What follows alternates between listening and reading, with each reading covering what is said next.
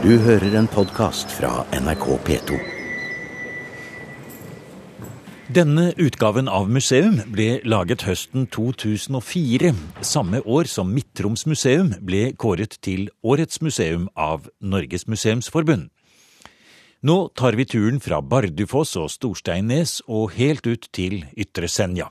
Vi møter annet den legendariske forfatter og lyriker Hans Christian Eriksen, som døde i juni 2014. Men vi skal tilbake til 2004 og det blir kveitefiske, samiske offerplasser, krigshistorie og edderkopper. Den er helt sikkert død, ikke sant? Den er helt sikkert død. Den, er, øh, den, beveger, den beveger på seg, helt sikker på det. Den nei, den, den, er død, jeg garanterer det. Den er bare tredøper, sannsynligvis. Nygaardsvold han kom en dag springende, denne tjukke mannen som hun sa faktisk oppover da, og litt sånn andpusten. Kom, inn. ja, ja. Og, og, kom inn da, og huff, jeg tror, jeg tror det var et tysk fly, sånn, men uh, det ble ikke noe mer. Dronninga i vann, som, som Petter Tass uttrykker det. Ikke bare det, de, så også på kveita som en, en hellig fisk, en gudefisk. Så var det naturlig at når vi hadde et helt fiskebruk her, som skulle restaureres, så kunne vi konsentrere oss om kveita. Og det her var et av de store, viktige kveiteværene i Norge. Eh, yttersida ser jo ut omtrent som ei stor hånd har hogd ned i bergmassivet og flerra det ut i fem svære fjorder. Eh, og øya betyr jo også I dag skal vi reise langt i museum. Rundt i hele Midt-Troms. Fra Målselv, Balsfjord, Tamokdalen og til Torsken og Skrolsvik på Ytre Senja. Vi skal innom Nygårdsvoll og april 1940. Det blir stenalder og døla-historie. Og edderkopper. Ja. Nå er vi bra her. Bare kjøre. Nå kan du kjøre, ja.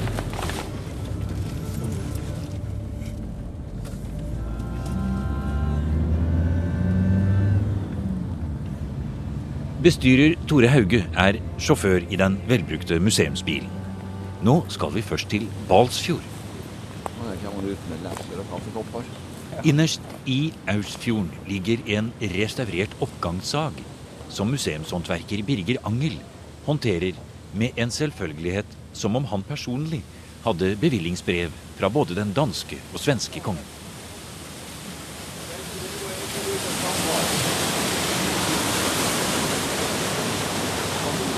Du passer passe hodet ditt her, ja. ja. Her har vi jo startinga. Åpning av vannet. Åpne luka der borte. Det som er det spesielle her, det er jo selvfølgelig at her driver du saga ned på gammeldags måte. Her er det, som vi hører, det er vannet som går gjennom her. Det er en oppgangssag, dette. Ja, det er original oppgangssag fra 1796. Det var restaurert i 70-tallet i år. Satt i gang i 1981 ca. Ja, her har du hele historien her, ja. Bevilling fra danskekongen nå. 1799, ja. Ja, og svenskekongen da ifra 1818. Ja. Den eneste saga som har to bevilgningsbrev da fra kongene. Og to forskjellige konger, danske og den svenske kongen. Det, det virker jo. Det virker, ja. ja. Det er jo skolen ganske mye tømmer etter at det blir restaurert. Ja. Greier du å få det i gang da? Ja, ja, ja. ja skal vi prøve?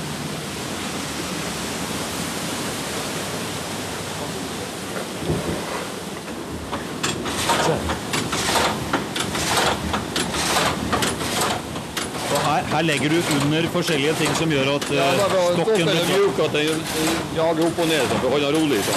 Et stort uh, sagblad går her nå. Vi hører hvordan han spiser seg gjennom stokken. Ja, det er ingen problem. Så om stokken er 20 cm i diameter, en halv meter eller tre kvart meter i diameter, har ingenting å si det, for at den går like fort for det. Og det er ingen stopp om det er kvist og sånt. Det går like fort, samme hastigheter. Er bare kun hvis det er mye sånne tenner i stokken at den vrir seg, at det kan bli problemer. Da kiler vi den bare ut, bare. Og så smorninga der, det er jo, det er jo selspekk. Er det selspekk? Ja. Det er olje fra selspekket, ja tran. Man bruker òg levertran òg, men det er fri for det. Så der det var utvinnet i 1951.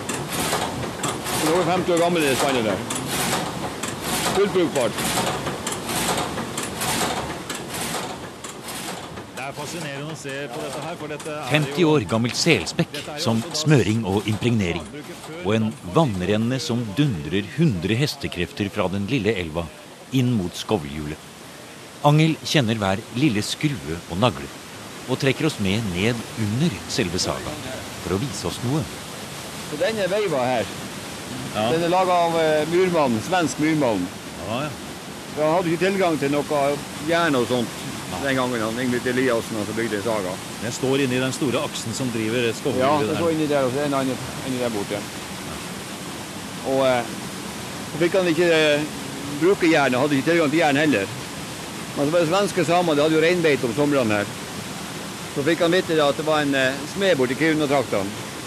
Så var viden kjent for flink å smi. Og han brente myrmalm og smidde. Så laga han tegning av som man skulle ha det der. Og da lapp han da tilbake til Sverige om høsten da, i, i 1795. Så hadde de tegninga med seg. Og de kom tilbake igjen om våren året etter. Så var de med. Og den var, var evig, den karen der. Aldri utslett. Like min som ny. Den er den originale som du fortalte. Originale, ja. Myrmalm. Og da de bygde opp Saga igjen på 70-tallet, her, det begynte med det, så fant de ikke den. Det var jo krise. Og så fant han ei fjære her etter Er du sier? steinene. Ja. Det var lykkelig og glad da. Det var jubel. Han til og med overlevde å ligge nede i Ja, ja, ja. Og brann og alt. Ja, utrolig. Ja da. Utrolig, altså. Det er helt... Og like fin som ny. Ingen sjarker, noen ting. Det er helt stabilt. Helt stødig. Jeg ser det. Det er helt Brann og forfall og nedgangstider gjorde at restene av Saga ble revet på 1970-tallet.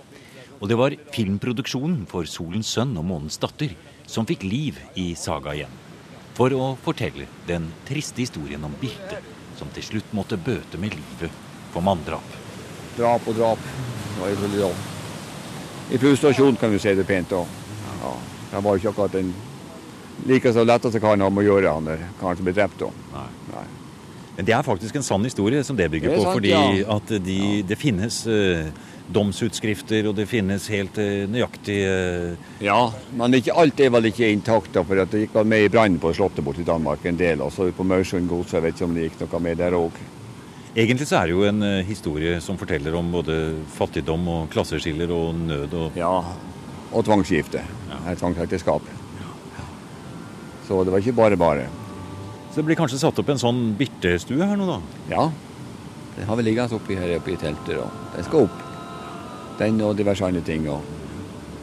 Så det kommer jo med når. Det er spørsmål om ressurser og tid. Ja, og folk.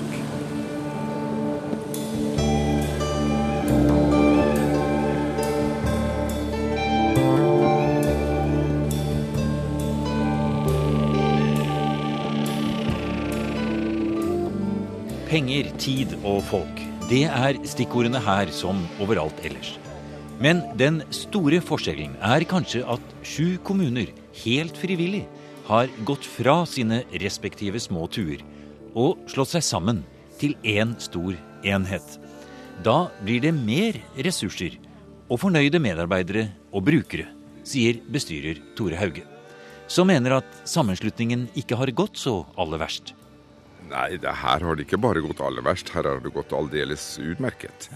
Eh, Det er faktisk en prosess som har foregått over et par-tre år. Opprinnelsen var tre kommuner, nå er vi sju. Og eh, de fire kommunene har kommet til i løpet av et eh, par år. og Det er en prosess som har foregått uten konflikter. Det har foregått uten store diskusjoner. Og kommunene har vært med på å bidra til det økonomiske grunnlaget for det museet her, som gjør at vi kan gjøre en såpass god jobb eh, som vi gjør, for det mener vi at vi gjør. Ja, Ja, Vidkun Haugli, du er jo styreleder for Midt-Troms museum. Og eh, det at dere har greit å samle forskjellige kommuner sammen til én enhet, og at dere har greit å samarbeide og Ettersom jeg forstår, så går det egentlig ganske bra. Hva er egentlig oppskriften på det her, da? Ja, det er kanskje ikke så enkelt å, å si, men jeg tror vel at en erkjennelse rundt om i, i de forskjellige kommunene at det her med museum det har man ikke greid å håndtere så tilfredsstillende som man skulle gjøre. Så det var aksept for det her at vi skulle lage en stiftelse, og at museumsarbeidet som sådan ble overtatt av eh, skal vi si, mer profesjonelle folk, enn at uh, hver kommune da nærmest etter påfunnsprinsippet skulle drive og, og ha sine greier gående. Så eh, sjøl om det er gjort veldig mye godt arbeid før, så tror jeg at vi er kommet inn i en struktur nå som har aksept i de forskjellige kommunene. Det betyr vel at det blir lagt litt til rette for det. Det skal bygges nytt, og det er litt fremtid i dette her nå? Ja da, det har vi da planer om. at de, Vi har nå foreløpig sagt at innen år 2010 så skal vi ha et nybygg stående. Så får vi håpe at vi får økonomi til å kunne gjennomføre det, for det er nødvendig. Altså, eh, vi må være klar over at vår vesentligste innsatsfaktor det, det er mot lokalbefolkninga, det er ikke mot turister. Og Det syns jeg er veldig viktig å presisere på det nåværende tidspunkt. Eh, det er lokalbefolkninga som vi jobber mot. Eh, og som vi innretter vår formidling mot. Og så får turistene komme som et biprodukt, og kanskje når vi får et nytt bygg, eh, kan dra større nytte av turiststrømmen. Men ja. Ja, nytt bygg og mange planer er én ting, men alt det som faktisk er i full gang, vitner om et høyt aktivitetsnivå og stort engasjement. Både fra mange støtteforeninger, skoler og lokale brukere. Tore Hauge har en forkjærlighet for botanikk og zoologi, og siden det er han som ansetter, finner vi noe så sjeldent som en konservator i zoologi i Fjordmuseet på Storsteinnes. Kjetil Åkra har nettopp satt sammen en stor utstilling om rovdyrene i Midt-Troms. Men det er atskillig mindre kryp som er hans spesialfelt. Ja, jeg har formell utdanning i edderkopper, så det er liksom min ekspertgruppe, da. Det er vel ikke noen edderkopper her, kanskje? Oh, det er et par tusen rundt oss her, men de er alle på sprit. Ja, Skal vi se på noen av dem som er herfra? Er det et par tusen edderkopper her? Ja, altså det er det. Minst. Eh, har, her ser du litt av den samlingen vi har. Ja, for Vi er i laboratoriet ditt nå. Ja. Og her har du en som jeg er veldig stolt av, for det er sannsynligvis en samling av de mest sjeldne edderkoppene i Norge. Yes. Ma mange av disse her finnes det bare ett funn av i hele landet, og de er her. Ja, er, kan du si noe om en av dem? ja, altså, noen av, noen av, disse artene har Jeg går ut fra at de er døde? Alle disse er døde. Ja, det var, dessuten, ja, ingen av de er giftige for mennesker heller, så det er ikke noe problem. Uh, dette her er arter som jeg har oppdaga som nye for Norge i løpet av min forholdsvis korte karriere. En av de mest spesielle her det er en art som uh, du ser her, som heter Arctosa stigmosa. Som en veldig sjelden elvebreddsedderkopp som er funnet i Trøndelag. Og det er det eneste funnet i Norden. Så den er veldig sjelden. Men hvis du skulle si noe om eh, altså det som kalles for diversitet, altså forskjellige typer insekter for funn som du har gjort her i dette området, her i Midt-Troms, hva vil du si er eh, spesielt her? Det første som er litt spesielt, er at for en del grupper så er veldig lite gjort. Så det er veldig mye nytt oppdaga. Det gjelder ikke minst edderkopper. Eh, for det andre så får du en litt interessant blanding av arter som kommer sørfra kommer østfra. Og så en del arter som òg er ganske arktiske i, sin utbredelse. Så du får et veldig spennende eh, fauna her. Så det fins en del sjeldne arter som ikke fins eh, lenger sør i landet, som du kan finne her i Troms. Og Det er jo, som du selv sa, en ganske spesiell og i og for seg vanskelig oppgave å kombinere naturhistorie med kulturhistorie. Prøve å såkalt integrere det da, i museets eh, formidling. Eh, får du det til? Ja, Vi har jo lagd en utstilling nå som går på rovdyrproblematikken i Norge. Og Der er jo òg eh, veldig mye eh, kulturhistorie tatt inn. Eh, for rovdyr griper jo veldig mye inn i menneskets liv, og har gjort det hele tiden. Så det er en måte å integrere naturhistorie inn i Midt-Troms museums aktiviteter. Ulven kan jeg jo forstå, hva, og rovdyrene i og for seg. Men hva med edderkoppene, da? Får du integrert det? Altså, En av mine ønsker her er kanskje også å vise folk litt om uh, den diversiteten som finnes ute i naturen blant insekter og småkryp som folk flest ikke legger merke til. Men for å gjøre det, så må du gå ned på insektenes mikroverden. Og Det er noe av det prosjektet jeg jobber med, å lage en utstilling som går litt inn på dette her, som viser den fantastiske diversiteten, ikke bare i uh, arter, men i form og farge og funksjon, som går folk flest hus forbi. Og Det som er veldig viktig, uh, som man ikke visste før, er jo det at uten insekter så stopper hele verden opp. Så du kan si at insekter er grunnlaget for veldig mye av kulturhistorien. Og du har jo insekter som er skadedyr og sånne ting som folk flest, folk flest, kommer i kontakt med. Men å få fram dette her med at insektene de er grunnleggende for menneskets liv og virke, det er noe av det som jeg vil prøve å få fram. Går du rundt med håv, da? eller? Ja, som du ser i hjørnet her. Der står, der står hoven i hjørnet. En stor, fin håv her, ja. Det er en såkalt slagrov. Den bruker til å fange insekter i ja. vegetasjonen og slå på trær og Ja, busker. ja, for den ser jeg er ganske godt brukt, og den Ja. er solid ring rundt her. Solid, ja. Og så er det en annen stor en her som står her, men den er mer av lett. Det er litt mer for sånn sommerfuglfangst, ja, eh, flyvende insekter og sånne ting. Så her kan altså lokale folk her, de kan, de kan se deg med skjegget og springe rundt ute i enga med håv og fange, og så sier de ja, nå er museet ute. Det har nok vært en del eh, folk som har lurt på hva jeg holder på med når jeg er ute og fanger insekter. Ja, det er ikke fritt for det, for det er ikke så veldig mange som fanger på den måten der. Men eh, det, det blir de fort vant til. Så har vi jo Petter Dass òg, sier jeg. Ja, han Petter Dass han skrev jo veldig bra. Mange mil senere. Nå er vi på Senja i Tranøy kommune. På brygga i Skrollsvik, hvor det gamle fiskemottaket er gjort om til kveitemuseum. Og det er forfatteren og lokalhistorikeren og en av museets store støttespillere, Hans Christian Eriksen, som viser oss den flotte utstillingen. Kveita er sett på som en delikatesse. Den hvite, fine fisken den var jo helt snøhvit under og grå på. Og så var den hvit i fisken. Så jeg tror det var derfor de utropte den til å være den fineste av alle. Dronninga i vann, som, som Petter Dass uttrykker det. Og eh, ikke bare det, de, de så også på kveita som en, en hellig fisk, en gudefisk. Og eh, opprinnelig så har de På samisk har vi bevart et ord på kveita på baldis, balda, balda, som kanskje har forbindelse med Balder, som var den lyse og fineste av alle guder. At den hvite og fine kveita ble oppkalt etter han, og bevart i samisk. Men i alle fall, den er trua om kveita. Noen kaller det for overtru, det kan være det samme. Men trua om at kveita var klok og sterk. Den har gjort henne til en mektig fisk, en ettertrakta fisk. Og så var hun jo så stor kraftig. Når ei kveite blir fire meter lang og 400 kilo, da er det noe å hanskes med. Og da er det et karstykke. Derfor syns jeg ikke det er rart at fiskere gjerne de, de likte å stille seg fram ved sida av kveita, mens kveita hang med sporene i været og med hvit side fram. Nå hadde hvit side opp. Da, hun, da hadde hun gitt seg over. Da var hun ferdig. Så det ligger nok litt i denne sånn mandig demonstrasjon i slike bilder òg. Fiskeredskapene som man skulle bruke til kveita, den kunne man ikke bruke vanlige navn på. Vi hadde kveitelina, den blir vanlig kalt for kveitva her. Men når de skulle snakke så kveita hørte det på havet, så sa de togene om det. Og når de hadde en sånn, sånn eh, stor kveitklepp, som de kunne slå i hodet på kveita å, å slå i svime og dra henne i båten, da sa de alltid 'klepp' på havet. Kveita var jo stor og sterk og antakelig klok. Og Derfor så brukte man skjulte noen navn, som man sa 'tre med deg'. Og tre med deg, det blir tre med hjerne i, kunne man si. Det var altså et trestykke med en sånn kvass pik på. Det var kveitkleppen. Altså et skjult Noah-navn, som du sier. Det er altså en måte å omskrive det, Ja. det på. Og jeg har gjort meg den tanken at det her lå opprinnelig kanskje i, i, til grunn. At uh, kveita var stor og sterk og klok. Hun måtte ikke høre hva de sa, for da ville hun skjønne det, og så ville hun, prøve å komme seg unna. Og hun er jo sterk nok til å jage, slite slites under alt.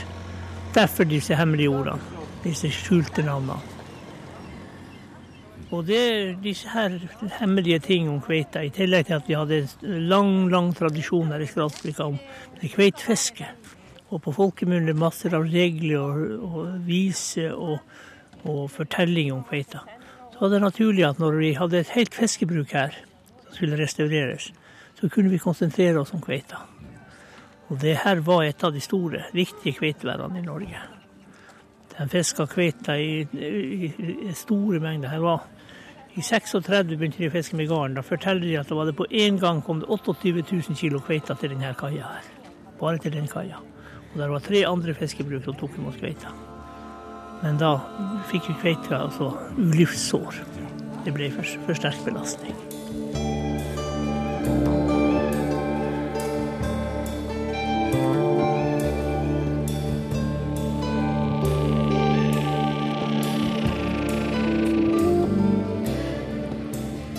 Fra Hans Christian Eriksen reiser vi videre opp over det nakne fjellandskapet 400 meter over havet i Kaperdalen. Og ned gjennom bratte hårnålsvinger til fiskeværene på utsiden av Senja. Vi skal møte Ivar Enoksen og ordfører Hans Peder Pedersen i Torsken kommune. Ja, Nå er vi på eh, Grunnfarnes på vestsida av Senja. Og eh, Grunnfarnes eh, er jo en av de viktigste jernaldergårdene i vårt fylke, Troms fylke. Og her er tre bosetninger fra den tida. Med en rekke spor av, av bosetning, gravhauger og andre ting som er funnet, bl.a. rester av båter. Og, og, når vi ser utover dette landskapet, så kan man jo forstå at det gikk an å finne denne bukta attraktiv som et, eh, et, sted å slå seg ned? Ja, helt opplagt. Det måtte jo være flotte muligheter for fangst og, og, jakt og sånne ting. Og noe av det som er litt spesielt her når vi ser rundt nå i denne dalbunnen her, så er det jo egentlig ikke så mange hus som ligger her. Det er antagelig ikke gjort så veldig mange inngrep siden den tiden. Og det er jo noe av det spesielle her. Ja, det er nettopp det at eh, Og det langs hele yttersida av Senja og på øyene generelt, så har det vært veldig få inngrep av jordbruk. Eh, folk høsta jo helst slåttelia, altså oppe i fjellene, og dro høyet ned. Sånn at det meste er jo egentlig uberørt. Det er helt fantastisk. Og dette med at, vi nå, at du har tatt oss med opp her i denne flotte Bjerkelunden og ser på denne flotte bautastenen som står her. Det er faktisk en del av et prosjekt som dere har bruker hele bygda på, faktisk. Altså Dere vil nå markere veien her, dere vil trekke dette mer med. Fortell litt om det. Ja, Det hele starta da med et bygdemobiliseringsprosjekt for uh, søndre del av Torsken kommune. Og eh, vi var jo klar over etter hvert at vi hadde mange kvaliteter på kultur. Og veldig mange fornminner som lå rundt oss. Ifra alle tidsaldre. Fra yngre steinalder og fram til i dag. Og vi har da laga et prosjekt som heter Kulturvei Søndre Torsken. Der vi har en eh, fem-seks stoppepunkter som skal da eh, ramme om alle disse tidsaldrene. Og her i Grunnforholdsbotn så er det da ifra jernalder. Og eh, den kulturveien den har vi nå laga og om. Og så skal vi da eh, sette opp en del skilt, sånn at folk kan kjøre hit. De skal bruke brosjyren til å gå rundt i terrenget. Og, gå ut i terrenget selv, ja, og oppdage det. Sånn ja. som vi gjør nå. Ja da. Ja. Og hvis man står her, dette er jo den flotteste plassen på, eh, og det høyeste punktet her i dette området. Og her har vært en rekke gravhauger bortover. Noe er fjerna pga. utover i området her, ja. Og du er jo kjent for Pedersen, å gå ut i området finne gamle fornminner, se rester. Jeg håper å si Er det noe du har lært deg? holdt jeg på å si? Altså hvorfor Det er jo ikke så vanlig, kanskje, at en ordfører går rundt og leter på den måten? Nei, det har vært min store interesse, dette med, med fornminner og med historie. Og spesielt og lokalhistorie. Stedsnavn og sånne ting. Og eh, jeg ble faktisk bitt av basillen når eh, professor Paul Simonsen fra Universitetet i Tromsø hadde meg med en gang på egen hånd og viste meg rundt. og Jeg syns det var helt fantastisk. Han var en inspirator av dimensjoner. Jeg har vel nesten sånn religiøs tilknytning til landskapet. Eh, yttersida ser jo ut omtrent som ei stor hånd har hogd ned i bergmassivet og flerra det ut i fem svære fjorder. Eh, og øya betyr jo også ganske riktig navnet Senja, kommer fra Sunjan og den sønderrevne. Og det er klart du har disse um, bosatte stripen helt nederst. Det var jo folk som bodde på den ytterste mulighet eh, når vi snakker om våre dager. I, går vi tilbake til eh, middelalder og før det, så er det klart det her var matfatet par excellence. Og jeg jobba med en, eh, en Jeg traff en, en, en, arkeolog som sa at det her Grunnfarnesområdet, det var pressområder opp gjennom fra fra jernalder oppover. Og det er jo masse bevis på det. Vi har jo tufter fra alle epoker helt fram til tidlig jernalder. Tidlig steinalder. Så eh, nei, det er et landskap man blir glad i. Det er en natur som har sin egen sine egne lynner fra fjord til fjord, som har sin egen humor fra fjord til fjord. De var jo tidligere isolert, disse fjordene. Så de utvikler på en måte egenarter i miljøet som jeg syns i dag, i dag i dag er veldig herlig å oppleve. Nå hørte vi Pedersen sa at uh, man ønsker å bruke de historiske røttene som en måte å mobilisere hele bygdas befolkning på en måte. Når du ser utover dette landskapet som du beskriver så fint nå, hva betyr kjennskapet til den tidligere historien som ligger i landskapet for dere som bor her? Jeg tror det betyr veldig mye, og det viser seg også med, med folk at behovet for røtter hos mange begynner å øke nå ettersom mediatiden overtar så voldsomt. Eh, det er dessverre et faktum at du kan finne ungdommer her som er veldig opptatt på skolen, og de sitter på PC på kveldene. Og når de er 15-18 år gamle, så er de ikke i stand til å knytte en knute eh, på et tau. Eh, knapt nok ro en båt, og det, det syns jeg er skremmende. fordi at, fordi at det vil lede til en, en rotløshet altså, som vil komme litt senere. Altså. Så jeg vet uh, ungdommer som spør hva heter det fjellet der som de har levd under, faktisk. I 15 år. Ja, 15 år. Så uh, folk våkner mer og mer for at vi kommer fra et sted, og det vi gjør her ute for å, å trekke fram den gamle tida, har en nesten rørende eh, effekt. Jeg kan fortelle at jeg skrev fem enaktere som vi oppførte her i Fjordbotn. Folk sørfra vil jo si at her er jo ikke bebodd, og mm. det stemmer jo bra. Og det kom, det kom 1000 tilreisende for å se på disse spela vi kjørte fra forskjellige epoker da, i, i øyas historie. Og selv om reisen rundt i Midt-Troms stopper her på Senja, er det så mye mer som skulle ha vært med. Fra nybyggergårdene ved svenskegrensa til kongefamilien og regjeringen på flukt i april 1940. Og samisk historie, tekstilkunst, utvandringen til Amerika. Vi har kjørt mer enn 50 mil på kryss og tvers. Og inntrykket som sitter sterkest, er at her brukes historieformidling aktivt og konkret for å skape lokal tilhørighet. Og etter Enoksens ord om ungdommene som ikke kan ro en båt, passer det å gi siste replikk til museets framtid, representert ved den unge og aktive frivillige assistenten Truls Nilsen på Kveitemuseet i Skrålsvik. Ja, fint her. Ja. Hva, hva, skal du bli når du blir enda større? Ja, Jeg tror det blir museumsbestyrer. Ja. Du har nå hørt en podkast av programmet Museum fra NRK P2. Og send gjerne en e-post til museum krøllalfa nrk.no.